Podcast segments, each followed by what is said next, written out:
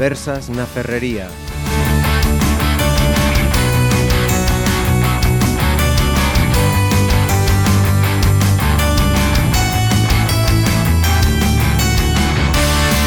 Saludos, arrancamos otro jueves más estas conversas na Ferrería.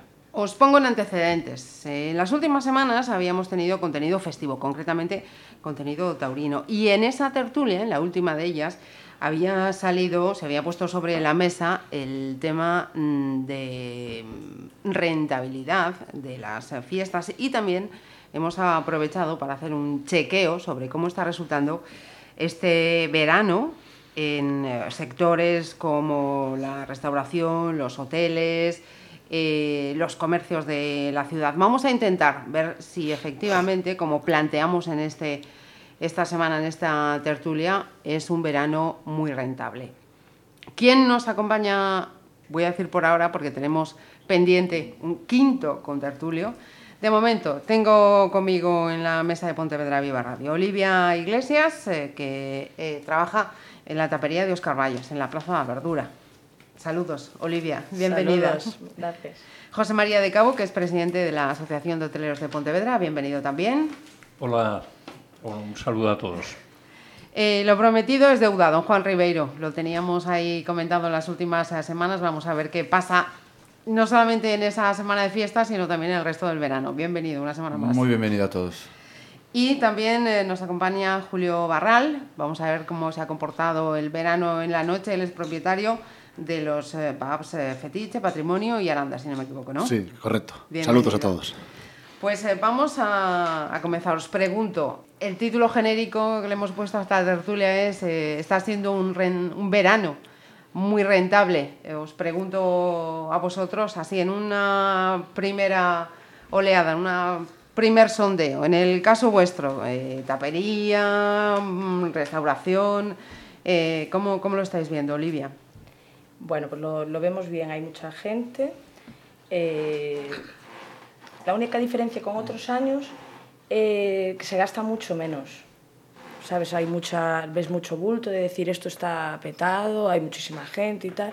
Se gasta mucho menos y se trabaja a, a lo- a las trancas.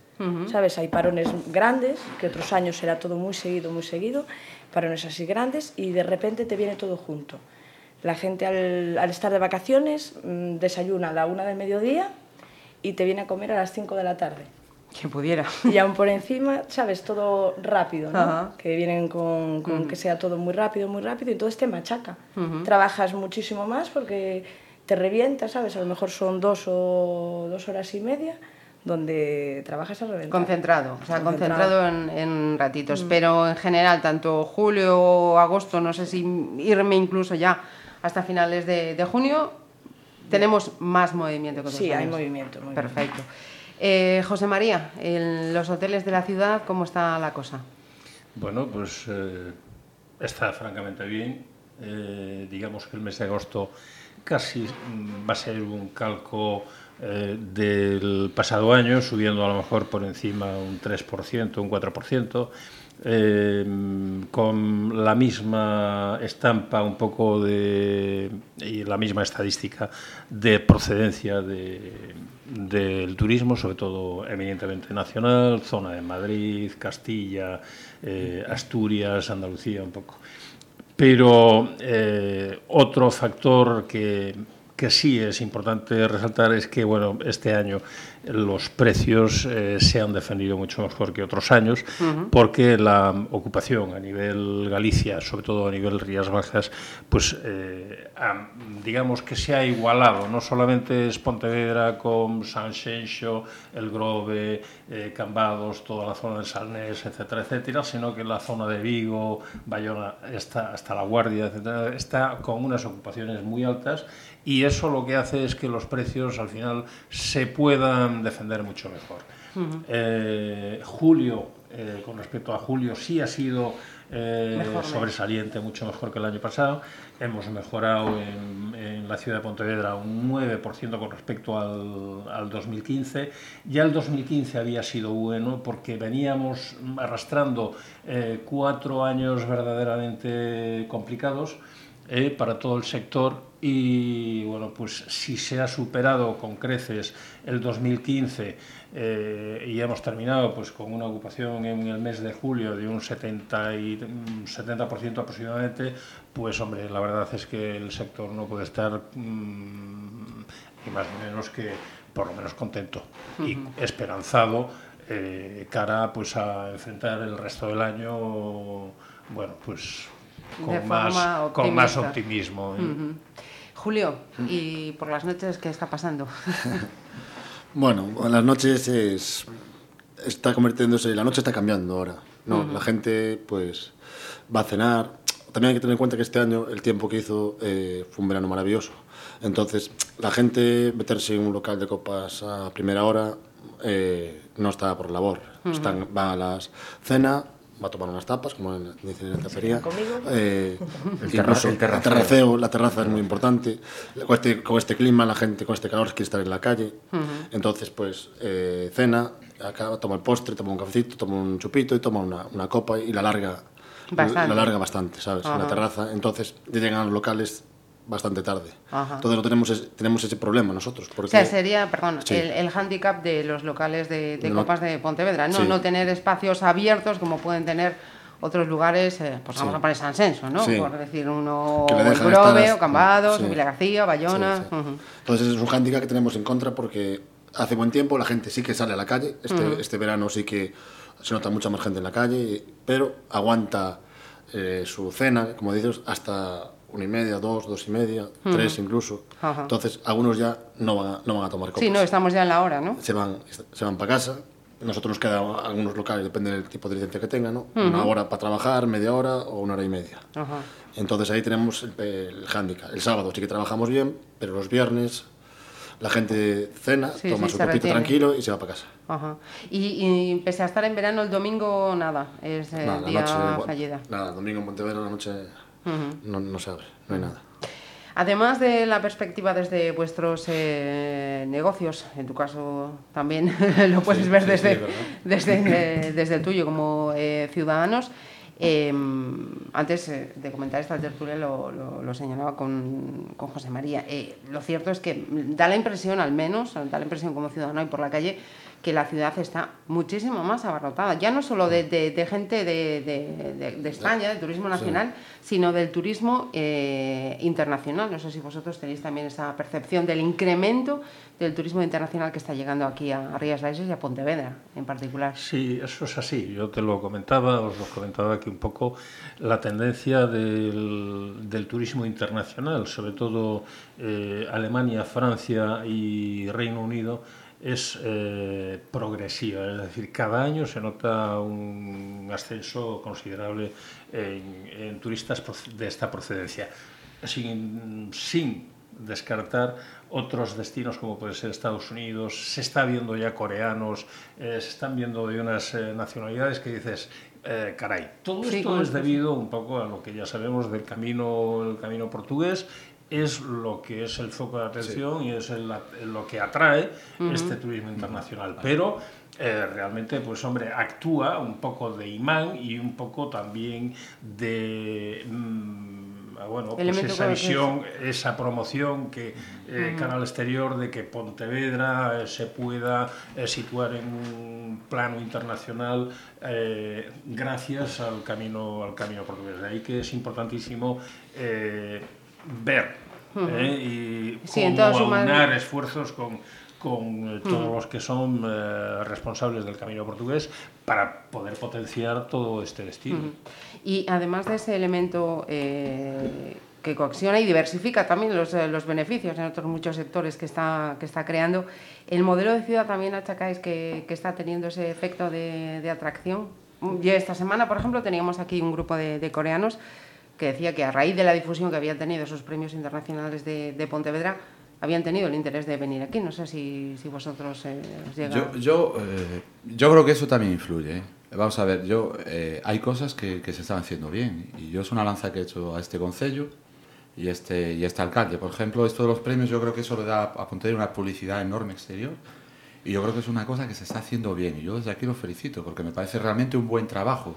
Estamos hablando de que Pontevedra sale en listas, en las listas mundiales de ciudades de mejor, eh, bueno, Sí, calidad, ciudad para de los vida, ciudad peatones, tal, sí, sí, sí, sí. eh, la movilidad y todo esto, ¿no? Y a mí me parece correctísimo. Creo que es algo que hay que destacar de este ayuntamiento que está haciendo bien. Y, algo que y está el deporte, bien. que está trayendo mucho deporte aquí a Pontevedra. Y desde luego, sí. campeonatos importantes, piragüismo, cosas así. Creo que hemos abierto a través una, una, una vía, Una una, Mm. carretera, digamos, a través del deporte, a través del Camino Portugués sobre todo, y a través de, de este tipo de, de eventos. premios, Bueno, que estamos haciendo, que yo creo que era, era normal un poco también que, que despertáramos en ese... A ver, en lo que tú dices, efectivamente no solamente es el Camino de Santiago, sino que también hay que echar laurel cuando Todo suma, sí, sí, sí, todo suma, Eso es cierto. Hay cosas buenas, hay cosas malas. Efectivamente. Y el Concello en este aspecto, eh, yo así también lo vengo diciendo eh, a lo largo de, un- de una- de unos, de unos cuantos años, que realmente la labor que se ha hecho en-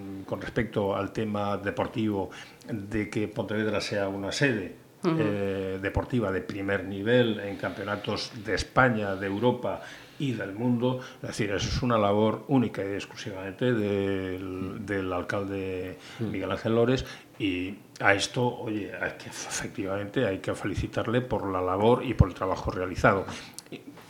Eh, hay cosas que efectivamente, como bien hay que destacar, de que internacionalmente tanto estos niveles, estos premios a nivel internacional, que efectivamente dan ese cariz a Pontevedra también, publicidad esa publicidad exterior eh, e internacional, que muchas veces, bueno, pues a lo mejor es muy difícil, a veces es muy difícil de medir, porque eh, es- eh, todos sabemos que la publicidad, y vosotros que estáis en los medios de comunicación, eh, y los empresarios muchas veces, es muy difícil de medir. eh, la publicidad, que eh, la inversión en publicidad en medios de comunicación Sí, sería impagable. Una campaña así sería impagable. Sería, Sí. Es decir, sería muy difícil de pagar. Entonces, bueno, pues esto chapó porque es una visión eh, muy positiva de lo que es la promoción de la ciudad a nivel internacional. Ha tenido la, la Vuelta a España, por ejemplo, también estos Sí. años. Y aún estuve yo, por ejemplo, lunes en Marín, cuando salió, salió la Vuelta desde Marín y eh, la difusión y medios, publicidad, gente que movió todo eso es para la ciudad y salen todas las televisiones que Pontevedra, bueno, en este caso Marín, cuando fue esta salida, pues sale, es una difusión sí, sí. importante para la ciudad. Y, y otra cuestión, en relación a esto del turismo internacional, eh, los que estáis en relación con, con los eh, visitantes, eh, sobre todo, no sé si habéis tenido ocasión de chequear el por qué venir a España, porque sí, lo que sí he oído es que también ese número creciente de, de visitantes ha sido porque el turista nacional tiene miedo a salir al extranjero Sí. y porque el turista de fuera tiene miedo A a localizar otros destinos Eso es y por así, eso es vuelve a correcto. España. Es decir, una de las eh, claves, eh, porque no es un tema mm, que tengamos que localizarlo y focalizarlo en las Rías Bajas, eh, cuidado, porque si no estaríamos cometiendo un grave error. No, no, así es decir, es España ha sí. sido receptor, España ha sido receptor de 60 millones de visitantes. ¿Por qué? Pues una de las causas, una de las causas mm, eh, que pues, se le achaca, y yo creo que es una causa fundamental, es que España es un destino seguro debido a una crisis internacional, una crisis de seguridad que todos conocemos en Túnez, Egipto, todo lo que es la franja mediterránea, es decir, con los atentados, etcétera, etcétera, España es un país seguro. ¿eh? Y toca madera. ¿eh? Y toca madera. Y yo creo que esto es mm, quizás coyuntural, eh, ojalá me equivoque, ojalá estemos equivocados, pero creemos que es un tema coyuntural porque una vez que, es decir, que esto no va a estar en el tiempo eternamente. Sí, pero que hay que se aprovechar la ocasión de que vienen para que vuelvan. Efectivamente. Para que se. Es decir, Seguro, es un país seguro y cuando sales por ahí y viajas, tienes la suerte de poder viajar, te das cuenta que España es un país barato, Sí. barato. pero no solamente barato, Es un país barato, sobre todo para, los que país- vienen de afuera. Es un país, es un país formidable. Sí, Seguro, sí, cómodo, en en todos los sentidos, En su comida, gastronomía, sí, en su riqueza eh, Su turismo, forestal, su- en su medio ambiente, Playas eh, locales. Playas. su paisaje, Los locales de noche, su noche. la, la gastronomía. Efectivamente. ¿eh? Es verdad, de que el que de los en la de que hay países, tenemos que darnos cuenta de que hay países que a las 10 o 11 de la noche Eso es cierto, ya no es se puede cierto. consumir alcohol. Sí, sí. Por eso te digo que cuando sales Vas por por ahí fuera, sí. te das cuenta de lo formidable por ahí fuera que estamos y a las 3 o 4 no hay nada de fiesta ni nada. que Eh, pagamos y por un aquí Cuba a las Libre. 6 aún tienes fiesta. Pagamos por un Cuba Libre 5 euros, Y allá pagas 10, 15. 10, o- 15 y si o quieres- 20 o, o, o, o. Y si quieres bien y si no, o que duermes, por, o duermes por 60 o 70 euros en una habitación doble, pues de maravilla y estupendamente. O tomas unas tapitas de calamares por 8 euros. Eh, Nada. Sí, sí. Quiero decir que, es, eh, que eso también ayuda. ¿eh? Y otra cosa que dijo antes Julio, que yo creo que ayuda, este año, yo ya hacía tiempo que no recordaba un verano sí. de sol y de calor Eso sí es verdad. como este Sí. verano. Y yo creo que eso ha echado a la gente hacia aquí. ¿eh? Sí, sí. Porque yo tengo gente que viene de afuera y gente que, que suele... Otros, "Oh, no voy, que siempre está lloviendo. Joder, no voy, sí. que siempre está lloviendo. Yo paso, yo paso. Esa es la otra este pata, año- esa es la otra pata del éxito tuve unos de- andaluces que decía yo escapaba del calor de allá de y me vengo para aquí y lo estoy pasando fatal. Sí, sí, sí, sí, porque hay gente que viene a dormir, también es cierto, Claro, y a decía, taparse escapaba del calor. Con la mantita, porque aquí eso es un privilegio. La gente no se da cuenta, pero eso es un privilegio. Poder en el mes de agosto echar el edredón encima. O salir con tu Rebeca a las 11 de la noche. La, rebequita, Sí, la sí, rebequita sí. que llega. La semana ya está empezando a ponerse la rebequita. Bueno, pues ya, Las pues peregrinas ya invierno estamos. encima, ¿no? Como dicen, pero-. Y os preguntaba por el turismo internacional. En cuanto al turismo nacional, el hecho de que se mueva más también, eh, una circunstancia que señalábamos, eso, el miedo a salir fuera, pero ¿el turista nacional también está soltando más la cartera o está reteniendo? Yo creo que retiene un poco más.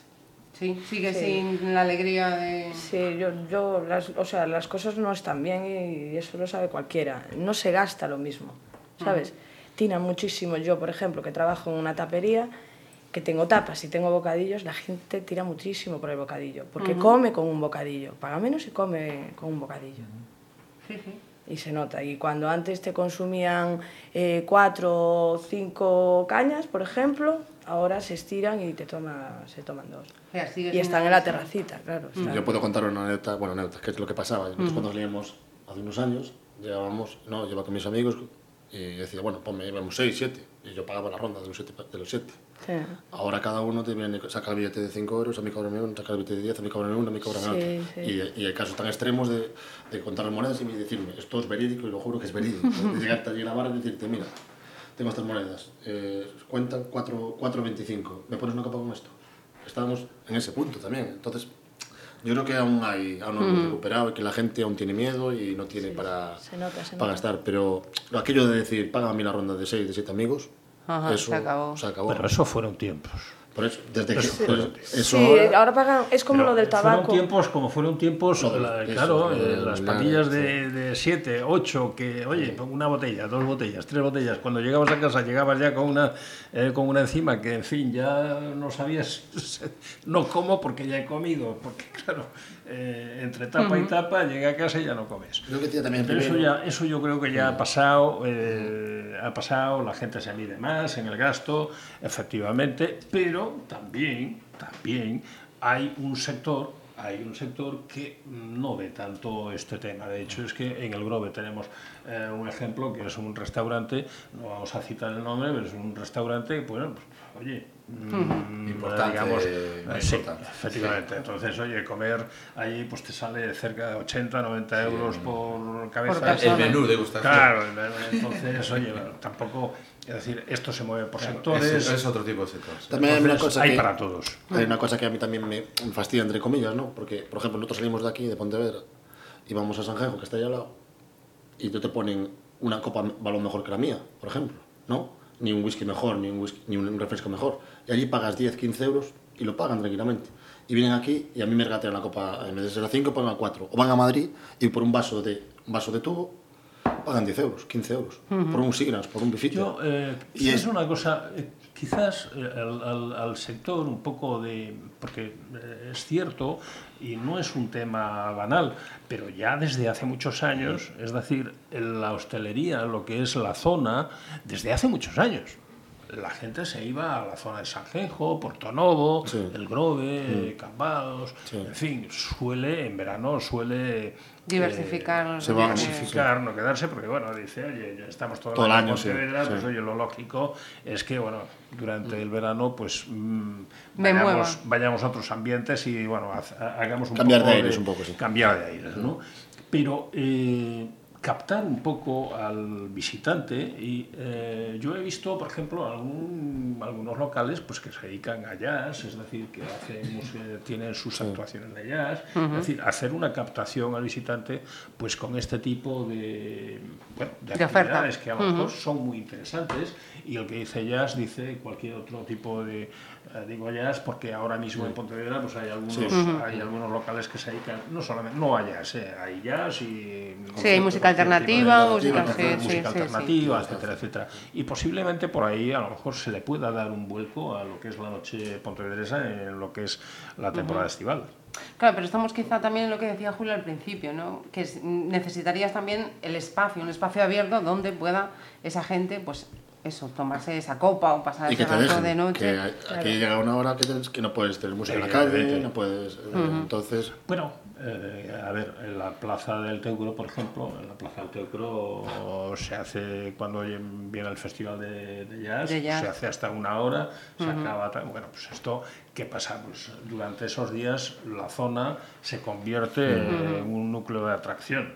Es decir, bueno, pues esto es un tema que eh, lo organiza el Concello, pero también puede haber una iniciativa empresarial que se ponga de acuerdo con el Concello para llevarlo adelante y decir, oye, pues eh, como continuación de, o en fin, es un apunte. Me estás, es un apunte. me estás abocando, José María, a, a una de las cuestiones que quería, quería entrar. Has tocado un festival de jazz, programación de fiestas y en las fiestas quería, quería incidir también.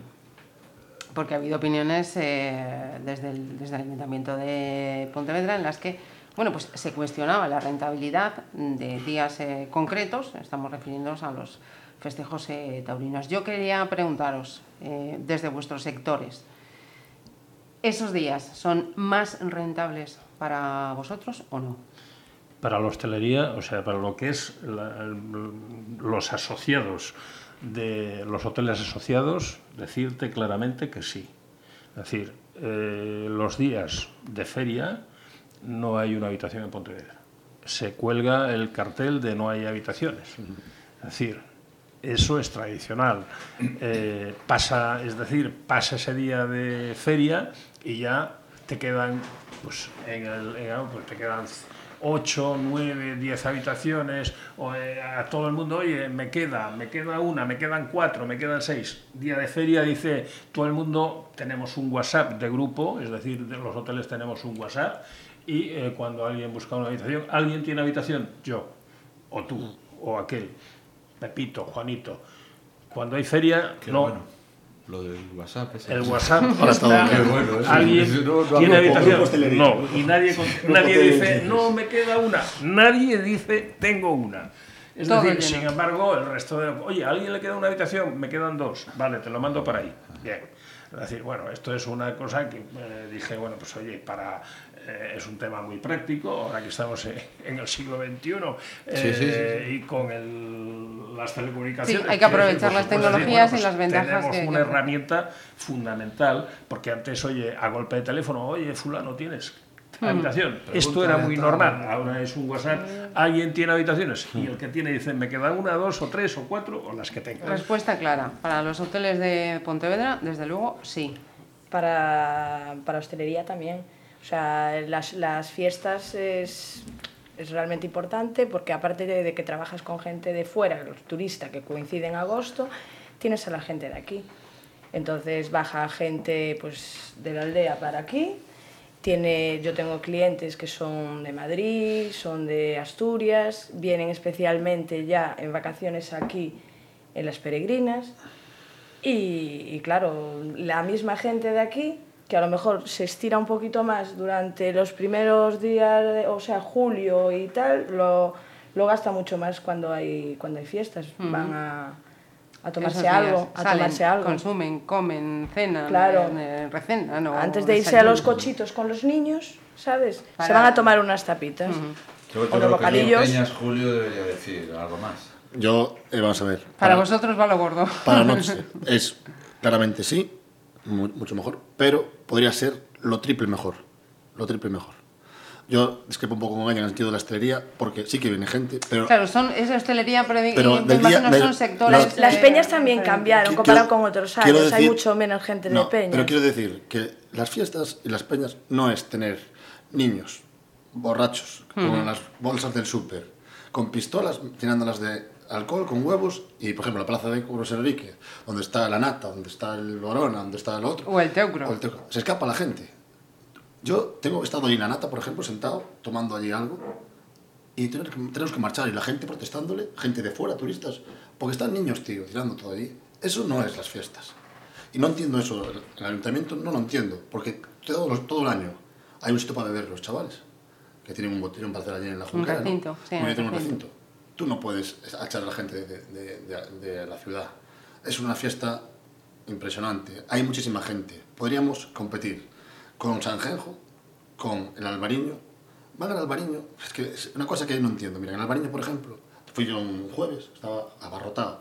Pusieron unos contenedores que eran minimalistas, tío, para mear, ¿sabes? Unos, unos baños que estaban impecables, decorados, pero allí en, el- en el, en el paseo donde están todas las, las casetas. Baños, baños allí. Sí, pero sí, impresionante. servicios, eh, sí, Entonces, sí. aquí cómo se va a permitir que mean en la calle, que beban en la calle, que poteen, que Como eso- etílicos. como etílicos, niños de 15 años. Eso es bueno para la ciudad, eso escapa a la ciudad. Pontevedra sería, las fiestas de la peregrina, sería para competir con cualquier fiesta del mundo, porque viene muchísima gente. Y aparte, tú dejas, como hace años que dejaban poner música en la calle, poner unas barras fuera. No dejar beber a nadie fuera, a hacer botellón en la calle, no que no dejar, ¿no? Pero tú dejas el ayuntamiento, como dejan en Feria Franca, poner unas barras fuera. Que los locales, pusiéramos todos de acuerdo, bajaríamos las copas, ¿vale? Podríamos abrir como la Feria de Málaga todo el día, desde las 12, 1 de la tarde. Hacer como con, con la coordinadora, con Juan, un encierro, por ejemplo, toda la semana. Hacer un montón de cosas. Y no entiendo por qué el ayuntamiento no quiere esto. Sería muy, muy bueno para la ciudad. Todos los hosteleros, todos los de la noche, todos hoteles, farmacias, supermercados, todo estaría abarrotado. Y eso no lo entiendo. No sé por qué. Porque no se, se, permite beber ese día. Da asco, perdón la palabra, pasar por la zona. Yo tengo en mis locales, se me ponen la gente, los chavales a mear en la terraza, se me ponen a mear en la fachada. Eh, huele fatal, no se puede pasar. Sí, sí, sí, no, Entonces, no, eso, que es la tirar- imagen la conocemos Es tirar todos. piedras contra el propio tejado. No entiendo cómo la, la concejala lo que dijo el otro día. No Sí, es que no es, es que es increíble lo que dijo el otro día. Es que eso es que, increíble. no, que, que, que los, la feria de los toros, la feria de los toros, las peregrinas, todo. en Es todo en general. Yo me refiero un poco a la feria de los toros, pero me parece increíble que diga que, que eso no es beneficioso para la ciudad, que, que si ella podía, que si ella pudiese, pues que quitaba los toros, quitaba todo y que se cargaba todo. Pero- que ya se han encargado de quitar las barras, que ya se han encargado de quitar. Ahora que si quieren cancelarlo, me comentabais Sí, lo de antes. No, no, la espera, pero ahí vamos, no sé, vamos a no aclarar. sé. Eso es el colectivo animalista Sí, lo de Sí. eso. que está pidiendo al Concello que no permita la celebración Pero, del torneo ¿Y medieval. eso por qué? ¿Qué, qué maltrato hay? No entiendo. Pues eso será para otra tertulia también, que Ah, te, te estás adelantando ya. espérate, espérate, a ver, te espérate, estás adelantando. También puedo decir de que en Pontevedra Viva yo os invito a que entréis y leáis todas las reacciones que ha habido a esa petición del colectivo animalista. Ya, porque si, Eh, se trata, si se trata simplemente por el hecho de que es el, De que haya un coso taurino. No, no, no, simplemente porque por se el- desarrolle, Pero ahí no se mata nadie, simplemente pero- porque se Claro, es que- desarrolle un coso taurino.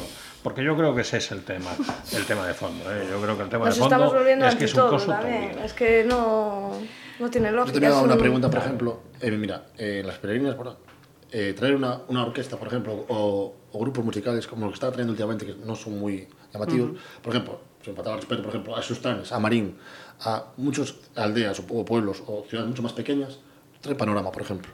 Panorama mueve un montón. Y aquí en Pontevedra, yo no recuerdo que haya traído Panorama nunca. Bueno, pero ¿sabes qué pasa? Aquí, Plaza de España aquí- la puedes llenar. Aquí a este año han, han dado con el clavo contra Bertín Osborne. Yo ahí tengo que decirlo. Ah, Osborne vuelta, y estaba- vuelta. Estaba, Yo- estaba. Osborne, No, pero es cierto, yo el domingo ¿cómo? no se podía Bueno, pasar. Llegaba hay la cola y reventar, sí. Sí, ¿no? Y el último sí. día, y el último día. Loquillo también También. estaba a tope y de vicio con los bueno, chicos estaba a tope, tener- ha habido ahí puedes- gusto para todos. ahí hay que decir que ha puedes habido tener gusto varias para opiniones. todos. Lo que yo, no te coge Vol- es lo, que dice esta señora Carmen da Silva. esta. No, eso no es. Es que, Bueno. ¿a quién quiere hacer tonto esta señora? Porque Yo, aquí a mí, es que no me vais a, esas- a mí me vais a Es que las fiestas, Yo lo único que Son decir, fuera tradiciones, de los las toros son declaraciones de eh, cada uno Políticas, sí, que de digo. las, las declaraciones políticas son declaraciones Pero no políticas de los yo las toros, aparte.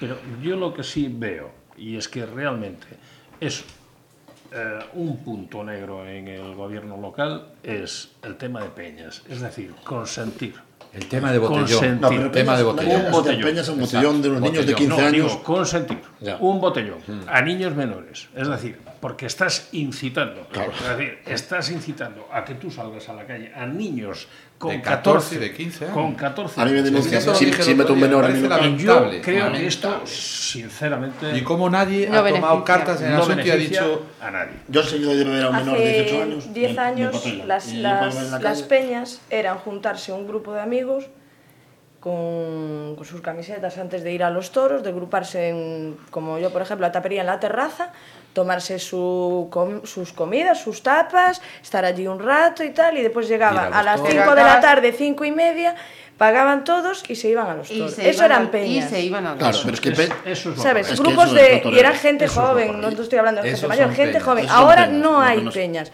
Ya no, No, hay eso. Hay- hay, No, pero no, claro, pero eso ya no son peñas, eso es No, no. lo que ellos montaron como tal y que la gente le llama peñas, pero no es peñas. vamos a peñas es lo otro. Pues eso es un lunar plaza. importante y mira que llevamos peleando tiempo, Eso es lo otro. tiempo por esta misma historia. Pero no entiendo por qué eso es. No entiendo por Yo qué esa tampoco lo entiendo. y esa- Porque eso es tozudez, porque es Pero, tirar piedras eh, contra los tejados. ¿no? ¿a quién hay favorece mucha gente, es decir, diga. habría que ver por qué, porque hay mucha gente incluso eh, que, hombre, eh, yo, dejando la política, porque, eh, o sea, mezclar política con estos temas No. es absurdo. peligroso, sí, Eh, sí. no, ahí es absurdo. No tiene es decir, sentido, no no tiene tiene sentido. ningún sentido mm, mezclar el tema educacional, un tema de, pues, porque es un tema de educación eh, cívica, eh, es un tema de educación cívica, y es decir, mezclar esto con otros temas es completamente Y autorizarlo, que todavía y es autorizarlo. ¿no?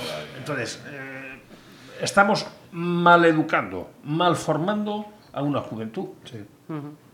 Porque los padres hacen un esfuerzo eh, personal en sus casas muchas veces importante Para para, decirle oye no hagas esto no a tal pero por, por el hecho de salir porque salen otros amigos etcétera, y de Sí, al consiente, final- eh, al final Van tirando unos de otros. eh, uno inicia su vida posiblemente Ajá. de, bueno, no voy a decir de alcohólico, pero eh, ahí inicia a lo mejor una vida que no tiene que ir por donde ir. Estamos jugando a la quiniela. Ahí los padres también deberían decir, oye, con 15 años, un niño con 15 años te diga, ¿dónde vas un sábado a las 5 de la tarde? Voy a Peñas. ¿Tú a Peñas a qué? Con 15 años. ¿Dónde vas a Peñas a emborracharte? No dejarlo ir. También Volvemos, eso- volvemos, ¿qué os parece? Sí, porque podríamos montar No, es que es que dan para mucho debate, eso eso, es la verdad. Pero volviendo al tema que, que nos había traído, eh, aquí me quedaba pendiente entre las cuestiones que tenía eh, planteadas. Visto que Pontevedra está eh, cogiendo ese, ese lugar de atracción turística que está teniendo, entre turismo nacional, turismo eh, internacional. Ahora miro al, al sector. Veis que el sector eh, hoteles, restaurantes, taperías, bares, cafeterías, está preparado para atender con la calidad suficiente todo este movimiento. A ver, eh, yo voy a hablar por nuestro sector. Es decir, eh, digamos que en líneas generales este, el sector hotelero en Pontevedra está bien preparado. Eso no quita, eso no quita de que los esfuerzos eh, siempre el empresario tiene que ver y reinvertir